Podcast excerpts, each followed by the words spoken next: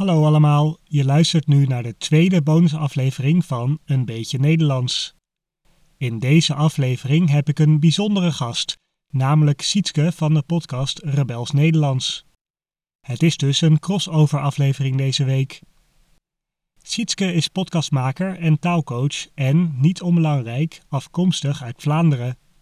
In aflevering 13 heb je al meer kunnen horen over de Vlaamse dialecten en in deze aflevering kan je eens echt horen hoe dat klinkt. Ik raad ook zeker aan om eerst aflevering 13 te gaan luisteren als je dat nog niet gedaan had, zodat je iets meer achtergrondinformatie hebt over het Vlaams. Veel plezier met de podcast. Ik spreek in deze speciale bonusaflevering met Sietske. Dankjewel dat je vandaag met me wil praten. Hallo, ja, graag gedaan. Ik heb er heel veel zin in. Ja, ik ook. Um, zou je misschien jezelf voor willen stellen? Ja, natuurlijk. Ik ben Sietske en ik ben de host van Rebels Nederlands. Dat is een uh, Vlaamse podcast. Ik kom uit België en ik begeleid ook vrouwen met het Mindful Nederlands. Dat is nog een ander uh, ding wat ik doe. Dus ik hou van taal en ik hou van podcasten. Dus ik ben heel blij dat ik hier kan zijn. Leuk. Um, luisteraars die de podcast over Vlaams al geluisterd hebben, die zullen weten dat het Vlaams bestaat uit meerdere dialecten. Dus het uh, Limburgs, Brabants, West- en Oost-Vlaams. Welk dialect spreek je eigenlijk zelf, als je überhaupt in dialect kan praten? Ja, goede vraag. Ik wist eigenlijk zelf ook niet alles over uh, de verschillen en de dialectgroepen, want je hebt nu opnieuw vernoemd de vier groepen, maar ik dacht dat Antwerps ook een groep was. En dat blijkt niet zo te zijn. Dus um, ik zeg van mezelf dat ik met een Antwerps accent spreek. Ja. Maar dat hoort blijkbaar dan bij het Brabants, als ik het goed heb begrepen. Maar bon, ik spreek dus met een Antwerps accent. Dialect spreek ik niet meer echt. Dat ben ik een beetje afgeleerd. Ik kom uit de Antwerpse Kempen. Maar straks um, wil ik daar wel op terugkomen. Op uh, een dialect dat ik ken. Maar ik spreek zelf eerder tussentaal. Oké. Okay. Uh, nou, ik ben benieuwd naar de straks dan. um, weet jij misschien hoe goed sprekers van de verschillende Vlaamse dialecten elkaar kunnen verstaan? Dus bijvoorbeeld iemand die Brabant spreekt of Antwerps is. Uh, hoe goed kan die bijvoorbeeld een West-Vlaming verstaan? Ja, dat is de grote grap natuurlijk, onder uh, Vlamingen ook. Dat eigenlijk iedereen wel verstaanbaar is, behalve de West-Vlamingen. Er bestaat daar eigenlijk een heel grappig filmpje over en ik vind zeker dat je daar ook naar uh, mag verlinken in, jouw in jouw podcast, want dat moeten mensen gezien hebben, over een West-Vlaming die komt praten op tv. En vroeger spraken de mensen nog niet zoveel met een accent of, of in tussentaal en, en was het allemaal een beetje meer zo, ja, algemeen Nederlands. Maar de West-Vlamingen die gingen ze altijd ondertitelen. Maar als een Antwerpenaar op tv sprak, dan waren daar geen ondertitels. En dus dit is een soort van sketch van een man die in het West-Vlaams kon praten en die zegt van nee, nee, je moet geen moeite doen om mij te begrijpen. Je moet gewoon... Uh, allez, je moet geen... Sorry, ik zeg het verkeerd. Nee, nee. Je moet geen ondertitels maken. Je moet gewoon een beetje meer moeite doen om mij te begrijpen. Maar iedereen in Vlaanderen heeft daar last van om het West-Vlaams te begrijpen. Want dat is echt wel een beetje een ander soort van... Uh, ja, ook tussentaal zelfs. Um, hè, want je hebt tussentaal, wat dan nog een beetje is tussen het standaard Nederlands en het dialect. En het dialect is altijd wel moeilijker begrijpbaar. Maar zelfs de West-Vlamingen, als zij niet in hun dialect spreken, maar wel in hun tussentaal, dan vinden wij dat nog moeilijk om dat te begrijpen. en de andere dialect, dialecten die kunnen elkaar dus beter verstaan. Limburgs en Brabants en Oost-Vlaams. De dialecten die zijn al wat moeilijker. Bijvoorbeeld de Limburgers die hebben echt soms een heel um, sterk dialect. Maar als de Limburgers gewoon tussentaal spreken, dan is dat wel verstaanbaar. Dat is het verschil. Ja. doet me denken aan dat ik... Ik was dit weekend in Maastricht, wat dus in het Nederlands Limburg ligt. Mm -hmm. um, en toen was er een man en die zei iets tegen me en die zei het in dialect. Uh, terwijl ik zelf, ik spreek, ik spreek geen dialect. Um, maar ik snapte daar echt helemaal niks van. Uh, dus ik kan me wel voorstellen dat dat dan ja, bij een andere dialect dat dat ook uh, zo is.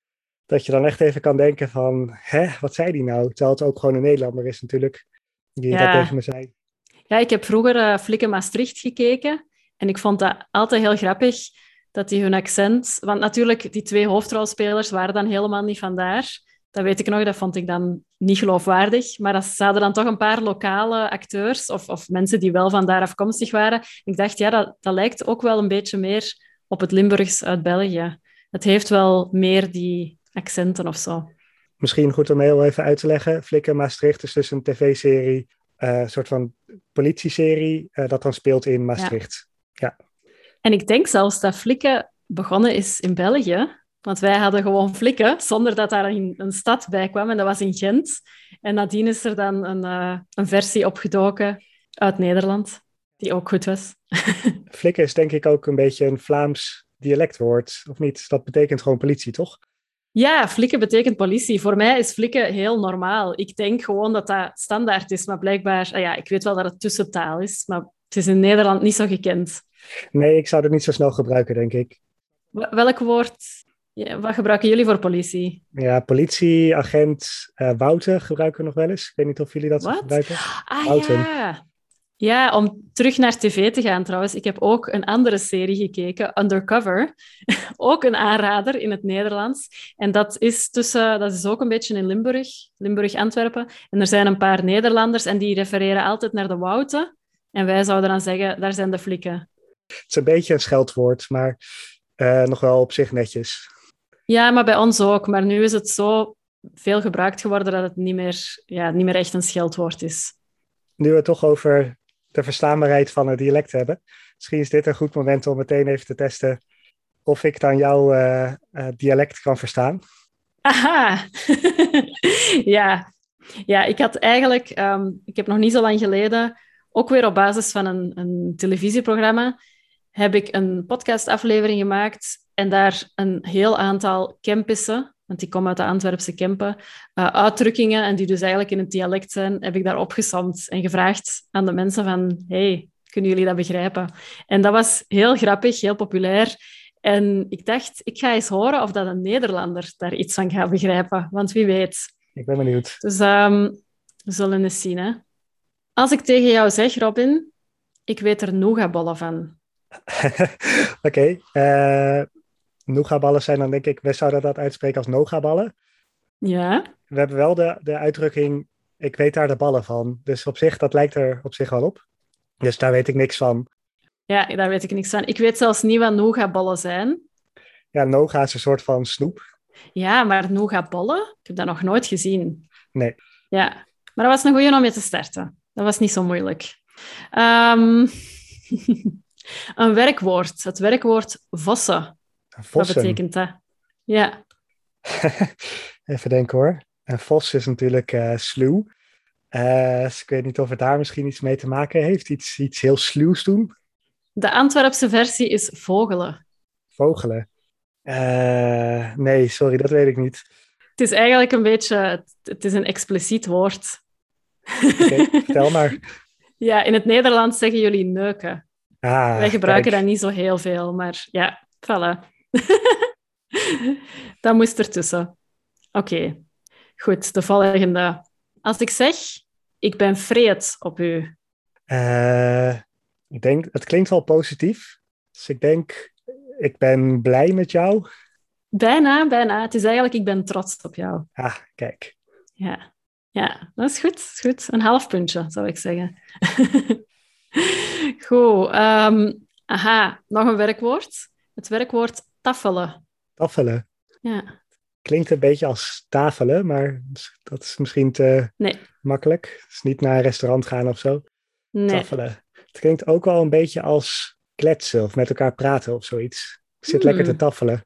Ja, zou kunnen, maar het is, het is niet correct. Het, is, um, het kan er op zich wel iets mee te maken hebben in de zin van rustig. Tafelen betekent eigenlijk dat je de dingen traag doet. En eigenlijk is zo'n beetje van, als ik tegen jou zeg, zeg, niet tafelen, van kom, doe een beetje verder. Je moet niet te, te, te lang iets laten aanslepen. Ja, iets, uh, ja, dat is hetzelfde als op, op het gemakske doen. Mm -hmm. Is dat iets wat jij zo gemakkelijk begrijpt? Ja, uh, dat, dat snap ik wel, ja. Ik zou niet, dat, de, zeg maar het uiteinde dat zou ik natuurlijk nooit zelf gebruiken. Iets op je gemakje doen, dat, uh, dat kennen wij ook ja. wel. Dat is wel Nederlands. Oké, okay, goed. Ja. Soms twijfel ik zelf. Hè. Dat is soms heel moeilijk van, ja, is dat nu begrijpbaar? Uh, is dat nu verstaanbaar of niet? Ja. Ik heb nog een hele goeie. Ik ga hem ook een beetje makkelijker zeggen. De, de dialectversie is een stuk in wat frak hebben. En als ik het zou een beetje mooier zeggen, is het een stuk in jouw jas hebben. Een stuk in jouw jas hebben. Een stuk in mijn jas hebben. Oei, wat zou dat kunnen betekenen? Het doet me wel denken aan een Nederlands, of in ieder geval iets dat we in Nederlands kennen, een stuk in je kraag hebben. Volgens mij betekent dat dronken zijn, kan dat? Ja, goed. Heel goed. Het is dat. Ja, het is helemaal hetzelfde. Ik had er zelfs niet aan gedacht dat er een, uh, een andere versie bestond. Ja. ja. het is een beetje een ouderwetse uitdrukking in Nederland, een stuk in je kraag hebben. Ik denk ook niet dat ah, iedereen dat per se kent. Ik moest er zelf ook even over nadenken. Uh, maar ja, die hebben dus waarschijnlijk wel dezelfde oorsprong of iets dergelijks. Ja, ja, de Kempen is ook niet zo ver van Nederland natuurlijk. Hè? Maar ik heb nog eentje en die is denk ik, uh, dat is een, uh, een substantief, die gaat ook moeilijk zijn. Een taloor. Een taloor. heb je misschien een hint? Het heeft te maken met, het is een object dat je in de keuken kan terugvinden. Is het een soort pan? Nee, ik zal het in een zin gebruiken. Ik heb tomaten, komkommer en kaas op mijn taloor gelegd. Een soort van snijplank dan, denk ik? nee, het is gewoon een bord. ah, kijk. maar er hoort nog een heel leuke uitdrukking bij. En die ga ik even echt in het dialect zeg zeggen. Oren gelijk taloren en niet kunnen horen. Dus oren zo groot als borden, maar niet kunnen luisteren. Ja, dat is het. Die heb ik vaak gehoord als kind. goed, goed gedaan. Dat was niet slecht. Je um, refereerde er zelf net ook al een beetje naar. Um, dat, ja, dus dat Nederlanders en Belgen elkaar over het algemeen wel goed kunnen verstaan. In mijn eerste vraag is denk eigenlijk hoeveel Nederlandse media uh, gebruik je eigenlijk? Dus je zei net al dat je bijvoorbeeld Flickr Maastricht kijkt. Kijk je meestal naar de Belgische tv of eigenlijk ook al vaak naar Nederlandse tv of podcasts? Of... Ja, dat is een hele goede vraag. Ik denk, ik persoonlijk kijk niet zoveel tv meer. Uh, ik heb ook geen tv. Dus ja, ik kijk tv via mijn computer. Maar toen ik kind was, dan luisterde ik eigenlijk heel... Dan, uh, sorry, dan keek ik eigenlijk heel veel naar tv. En dan gebeurde dat wel heel vaak, dat wij naar Nederlandse tv keken, omdat ik denk dat de Nederlanders vroeger zijn begonnen met tv. En dat er nog altijd wel een beetje zo in zat, dat er zo soms wel interessante of betere programma's uh, in Nederland te bekijken waren. Dus ik heb wel vroeger wel vaak naar Nederlandse tv gekeken. Ik denk dat zij ook eerst waren met een kinderjournaal. Dat was heel leuk. Dan uh, was dat zo'n beetje trager gesproken. Dat was ook ja, was echt fijn om naar te kijken. Dat herinner ik mij nog. Maar nu, ja, ik denk dat er een beetje ook een, een soort van algemene beweging wel is, dat de, dat de meeste Vlamingen nu ook wel veel, meer, veel minder afhangen van Nederland. Vroeger hadden wij ook nog dat idee van we moesten heel mooi, netjes gesproken Nederlands spreken. Nederland was de standaard. En ja, wij Vlamingen waren dan maar zo'n beetje... Ja, we moesten dat... Ja, hoe moet ik het zeggen? Dat, dat idee toch een beetje volgen. En dat is nu veel minder. Dus nu, nu denk ik dat er veel meer ja, Vlaamse series en, en Vlaamse tv ook is. Ik denk dat de meeste mensen nog heel weinig naar Nederlandse tv kijken. Maar ik weet het niet, want ik kan natuurlijk niet voor de Vlamingen spreken. Qua podcasts moet ik zeggen, als ik zie dat het in het Nederlands is van Nederland, dan moet het echt al wel goed zijn voor ik er naar ga luisteren. Want ja, het is toch anders. Het is niet helemaal dezelfde taal. En de verwijzingen zijn soms anders. Maar ik vind het natuurlijk leuk, hè? Maar het is wel een beetje alsof ik naar een buitenlandse podcast luister. Soms. dat moet ik toegeven. Maar het is trouwens wel grappig dat je zegt dat je veel Nederlandse kinderprogramma's hebt gekeken vroeger. Want op de Nederlandse tv zijn ook al veel Belgische of Vlaamse programma's geweest. Bijvoorbeeld Samson en Gert is natuurlijk een beroemde. Dat is ook ah, veel op Nederlandse tv geweest. En ik kan me ook herinneren dat ik dat er een soort van Sinterklaas-programma was toen ik kind was. En dat was ook, als ik me goed herinner, uh, in het Vlaams. Natuurlijk, Dag Sinterklaasje.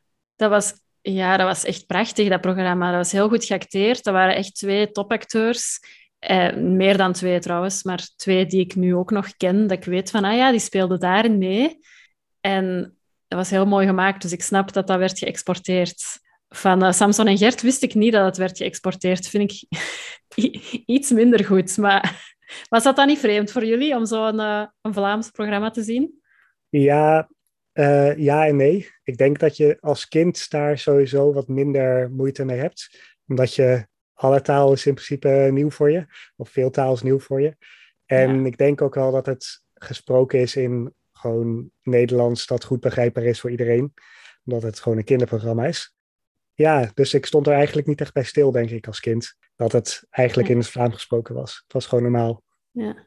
ja, ik vind het wel grappig ook. Ik heb altijd de indruk dat de Nederlanders het veel moeilijker vinden om de Vlamingen te begrijpen dan omgekeerd. Wij zijn er toch een beetje meer op getraind. Ik denk, eh, net om wat ik daarnet zei, dat voor ons heel lang het standaard Nederlands ook toch een beetje uit Nederland kwam. Maar misschien is dat niet voor iedereen zo. Ik moet zeggen, uh, ik ben eigenlijk een kwart Nederlandse. Oh nee. Mijn uh, grootvader die, ja, die is nog wel een deel in, in Nederland opgegroeid. Dus ik heb altijd wel een beetje de Nederlandse invloed gehad. En we zijn ook wel vaak naar Nederland geweest. Maar natuurlijk, je hoort nu aan mij.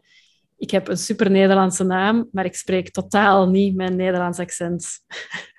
Hoewel dat wij allemaal, denk ik, de reflex maken als we Nederlander voor ons hebben om toch een beetje mooier te gaan spreken. En dat is eigenlijk ook een vraag van mij. Wat, uh, want ik heb dus uh, het verschil uitgelegd tussen de standaardtaal, tussentaal en dialect in de reguliere podcast. Zou je kunnen vertellen wat je nu eigenlijk spreekt? Zou je dus zeggen dat je tussentaal spreekt of meer de standaardtaal? Ja, dat is echt een goede vraag, want soms denk ik dat ik dat zelf ook niet zo goed weet. Maar ik vermoed voor mij wat het meest standaardtaal is, is wat ze echt op tv spreken.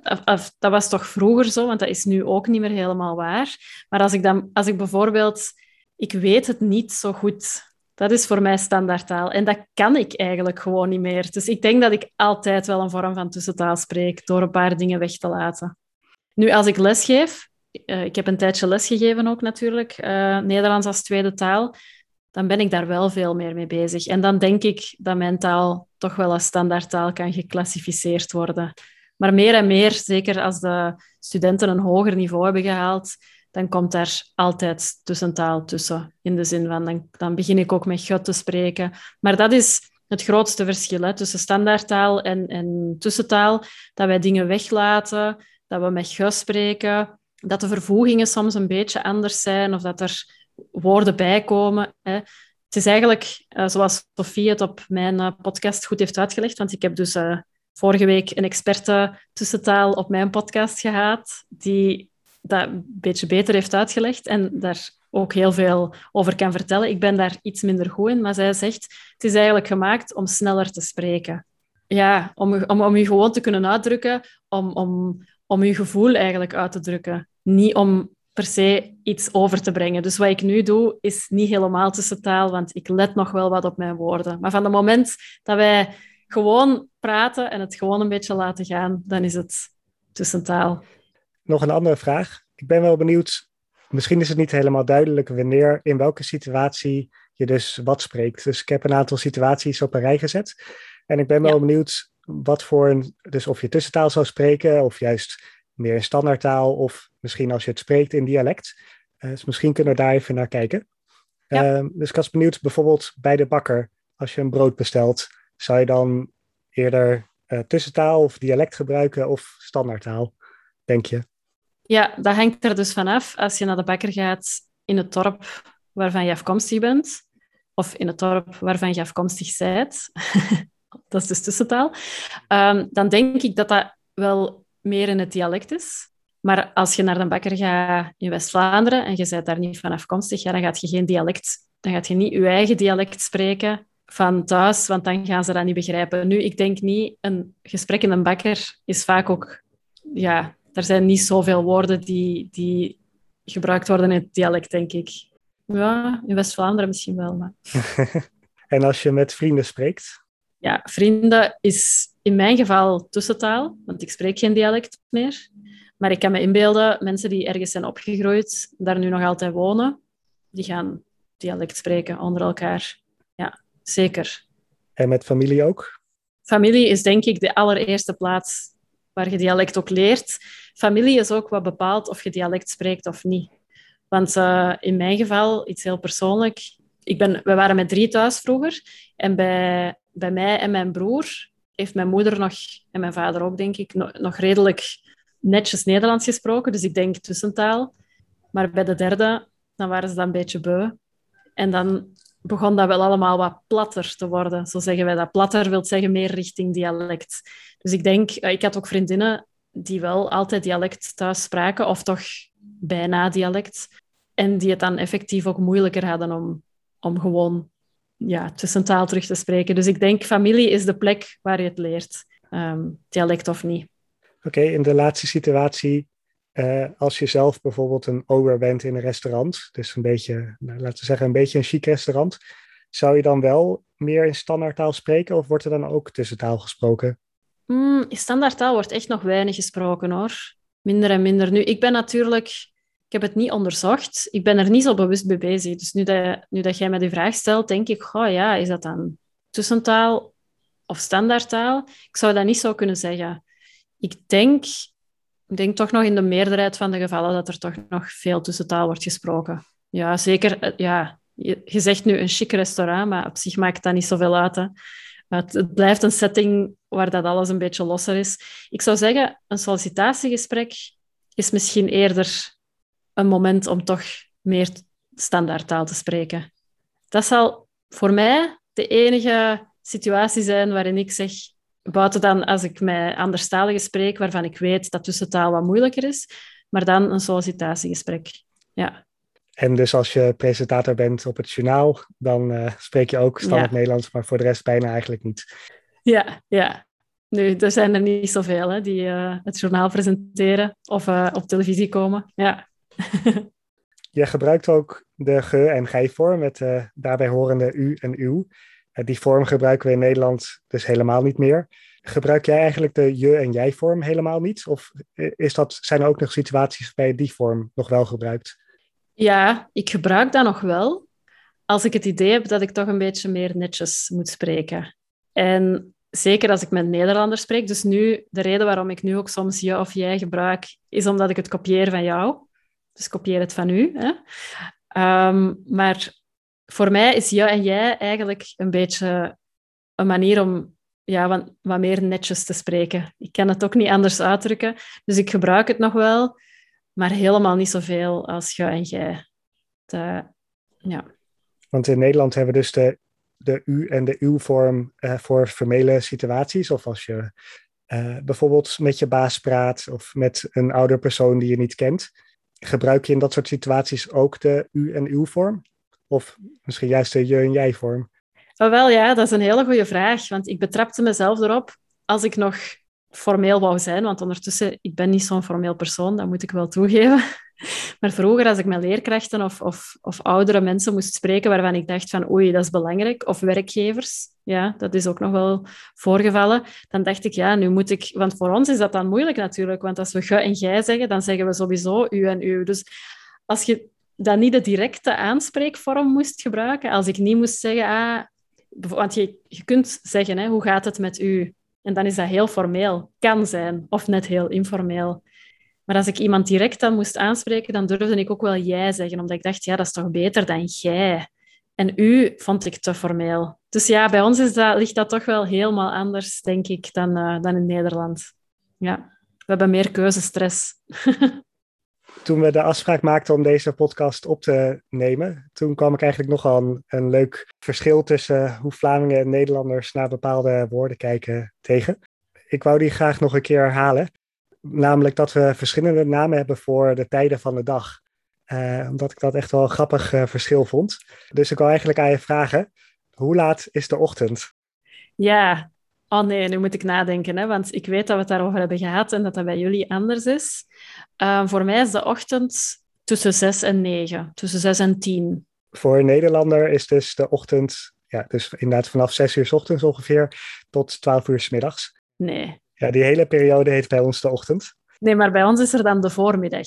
En dat is dus tussen 9 en 12 ongeveer. Ja, ja, klopt ja, de, de voormiddag, die, die gebruiken wij eigenlijk helemaal niet echt als Nederlander. Ja, maar bij ons is dat... Het is gemakkelijk, want als we iets afspreken, ah, wanneer spreken we af? Ja, als je zegt in de ochtend, dan zeg ik, wat? Zet je zot? maar als je zegt in de voormiddag, ja, dan heb je een veel groter... Want dan kan dat nog zijn voor negen uur, zo. maar hangt er een beetje van af. Ehm, ja. Maar ja, dat is eigenlijk gewoon ook niet duidelijk bij ons, denk ik. En de middag, hoe laat is die? Uh, tussen 12 en 1 of tussen 12 en 2, als je het wilt rekken. Oké, ja, dat is bij ons dus ook weer verschillend. Bij ons is de middag gewoon de hele periode tussen 12 en 6 ongeveer. Oeh, ja, nee. Nee, dat, dat, dat is bij ons ook verwarrend dan. Als je zegt afspreken in de middag, dan denk ik, oei, en lunchen dan? Wanneer ga ik dat doen? Ja. Hoe heet het na de middag dus, vanaf twee uur? Hebben jullie daar ja, een je naam zegt het zelf al, hè? De namiddag. en dan hebben we eigenlijk ook nog een beetje de voor... We hebben, we hebben eigenlijk de vroege namiddag en de late namiddag. Dus dan kunnen we zo zeggen, ah, zullen we dan vroege namiddag? Ja, nee, doe maar een late namiddag. En dan kan dat vier, vijf uur zijn.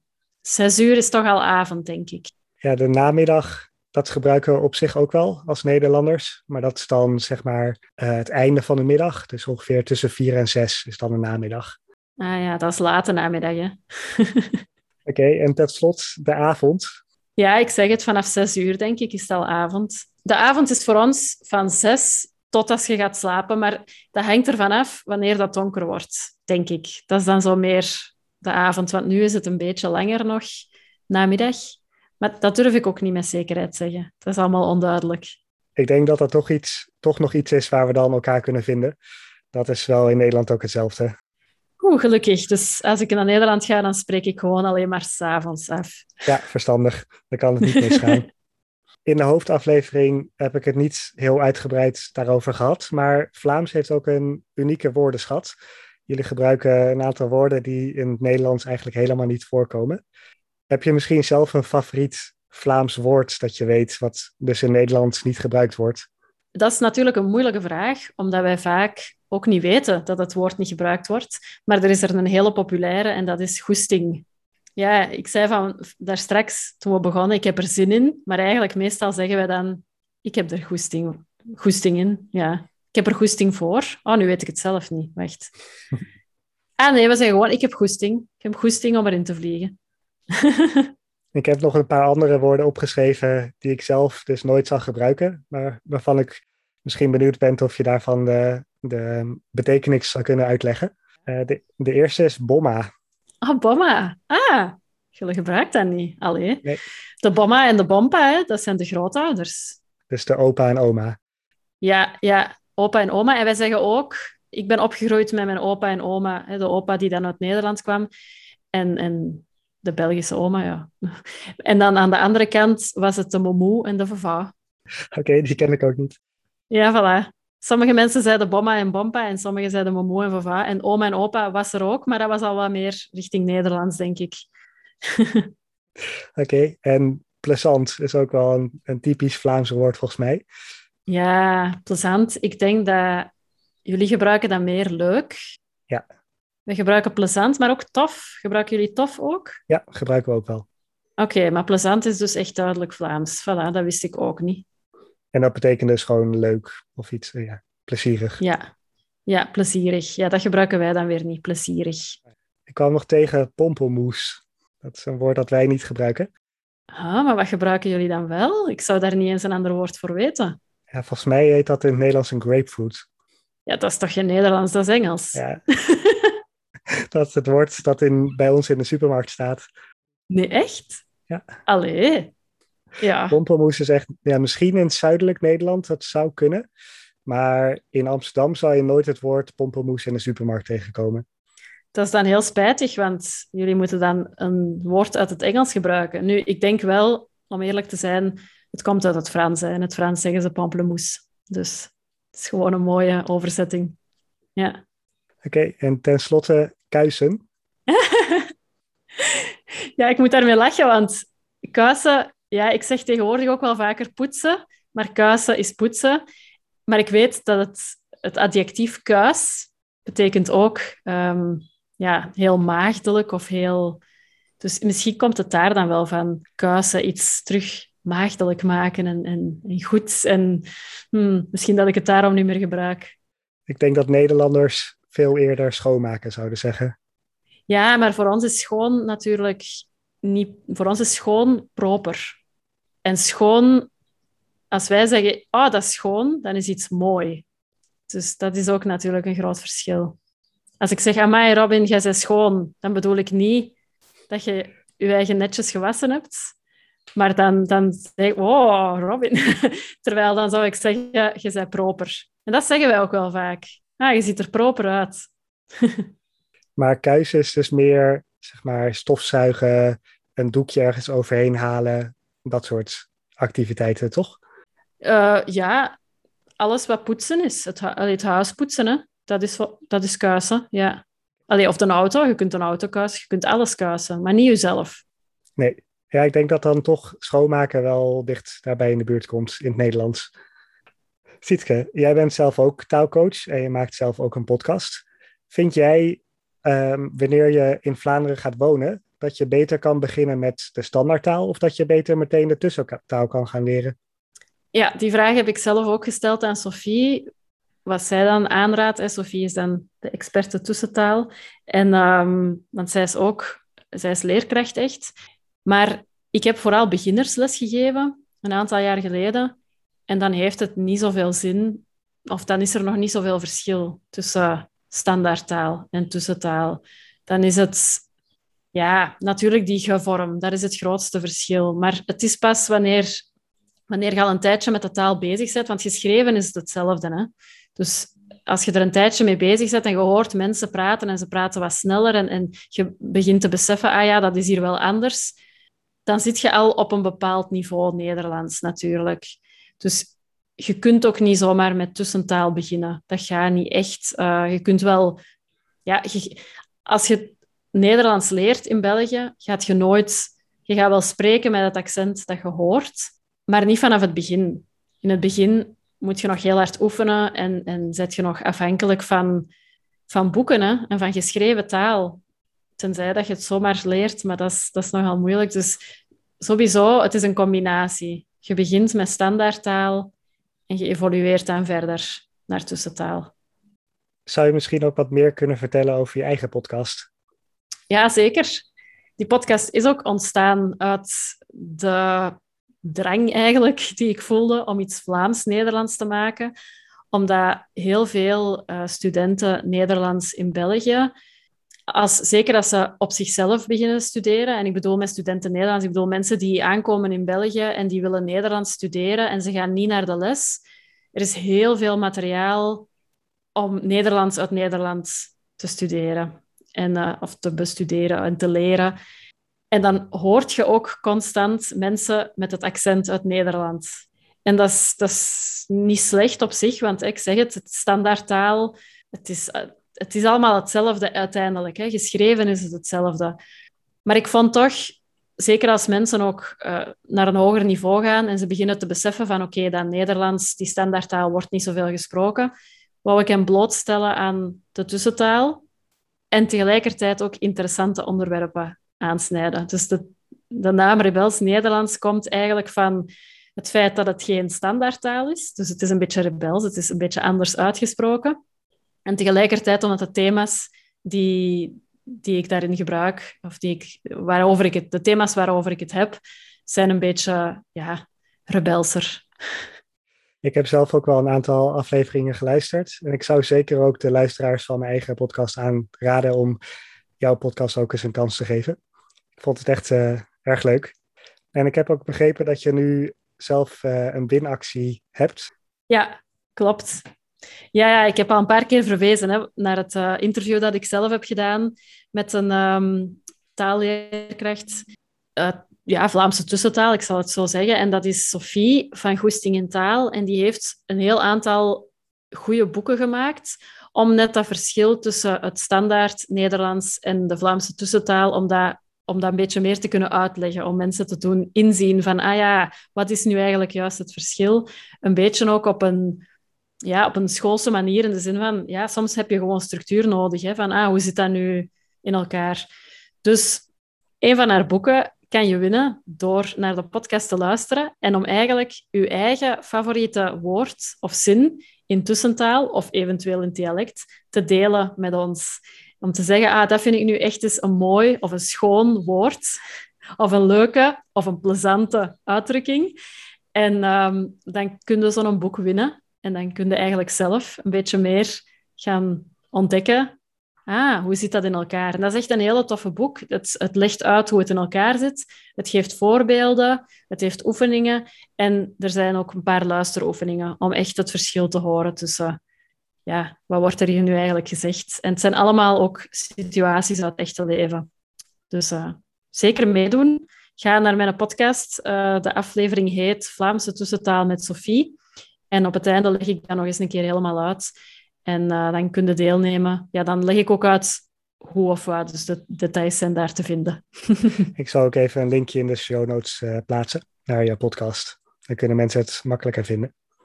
Uh, ten slotte, heb je misschien nog andere tips voor mensen die in België wonen en Vlaams willen leren? Zoals goede tv-series, andere podcasts of misschien iets heel anders? Ja, ik heb er heel veel. Uh, misschien is het een goed idee. Ik heb uh, daar eigenlijk een soort van document van gemaakt, waar ik mijn overzicht geef, want ik kijk dan wel geen tv, maar ik uh, kijk wel veel series via de computer. Ik luister veel podcasts en ik heb een overzicht gemaakt. Dus ik kan dat zeker delen met uw luisteraars. Het is een Google Doc, dus dat is makkelijk bereikbaar. Ja, dat zou fijn zijn. We zitten daar één specifieke tussen die je misschien hier zou willen nog delen? Ah ja, dat kan ik natuurlijk ook doen. Uh, ja, ik heb er al een paar gezegd. Hè. Undercover is een heel goede serie, maar verslavend.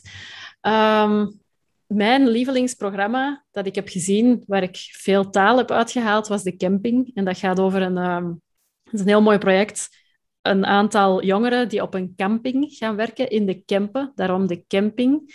En ze volgen eigenlijk hoe dat gaat die maand, denk ik. Die maand dat ze de camping open houden en dat er van alles gebeurt. En ja, dan hoorde heel veel leuke campische uitspraken. En, en ook gewoon het leven zoals het is. En dat vind ik altijd heel interessant om te zien. Dat is een aanrader. En qua podcast, um, ja, de mijne natuurlijk, maar ook die van Pieter. Pieter heeft ook een podcast gemaakt die in tussentaal is opgenomen en die heet Op zijn Vlaams. Die is ook heel tof om naar te luisteren. En nog een andere die niet per se voor mensen is gemaakt die Nederlands leren, maar die heel interessant is, die heet Bruto Nationaal Geluk. Dat is een heel goed gemaakte podcast. Dat is echt een professionele podcasterin. Nee, professionele podcaster die dat gemaakt heeft.